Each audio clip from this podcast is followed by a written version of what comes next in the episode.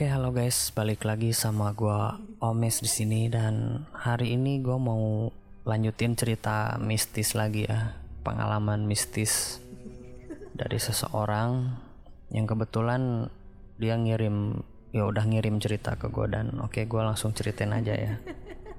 Nama pengirimnya Aldi Damara. Pada hari itu aku bersama keluarga sedang membereskan barang-barang rumah karena akan pindah rumah saat itu.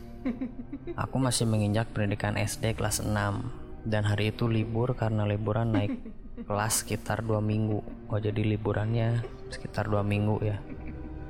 Kebetulan pas pindahan rumah lagi nggak sekolah. Ya jadi bisa menikmati hari-hari terakhir di rumahku yang akan ku tinggalkan selama-lamanya. Aku beraktivitas seperti biasanya, bermain game dan lain-lain. Keesokan harinya aku baru bangun tidur sambil ngumpulin nyawa.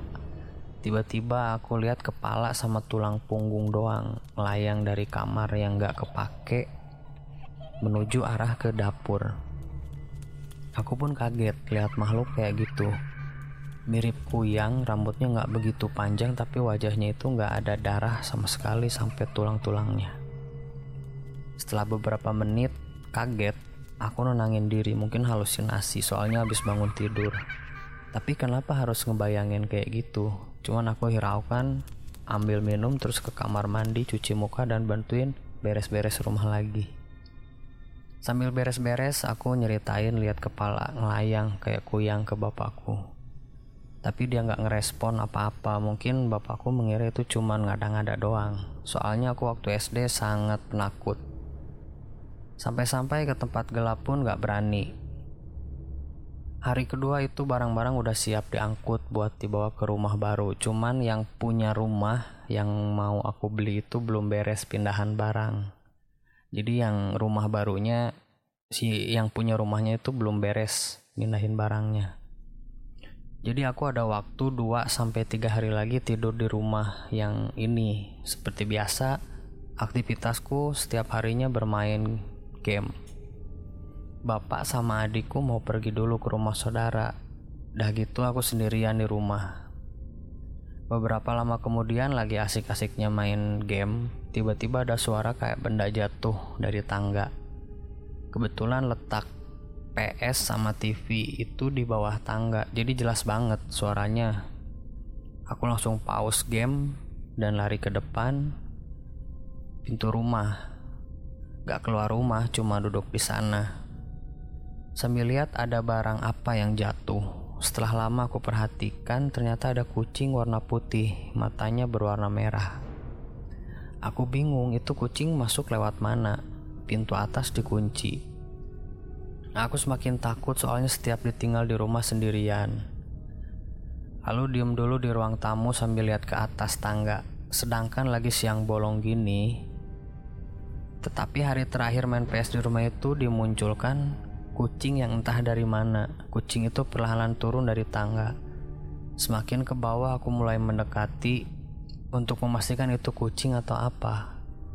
Pas udah nyampe lantai tiba-tiba berubah jadi kelinci. Kelincinya langsung lari ke dapur dan pintu nggak ada yang kebuka tapi aku cari ke mana-mana nggak ada.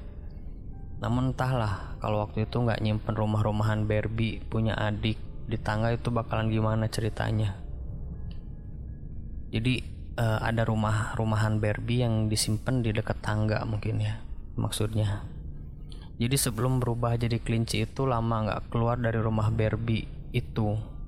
Waktu keluar jadi kelinci aku makin merinding. Oh jadi si kucing itu turun uh, ngumpet di rumah-rumahan Barbie itu pas keluar jadi kelinci mungkin kayak gitu ya maksudnya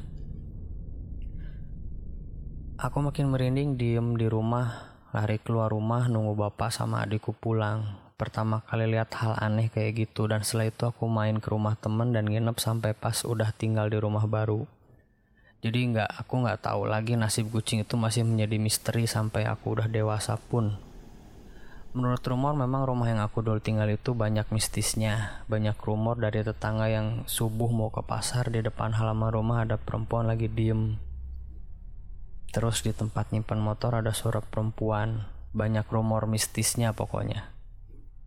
mungkin itu pengalamanku yang sampai saat ini masih menjadi misteri entah halusinasi atau apa yang jelas aku sedang sadar gak lagi ngantuk lihat makhluk tiba-tiba menghilang mungkin ada pengalaman serupa sepertiku dan sekian cerita pengalaman mistis dariku oke jadi uh, dari cerita yang gue baca barusan ya ceritanya Aldi.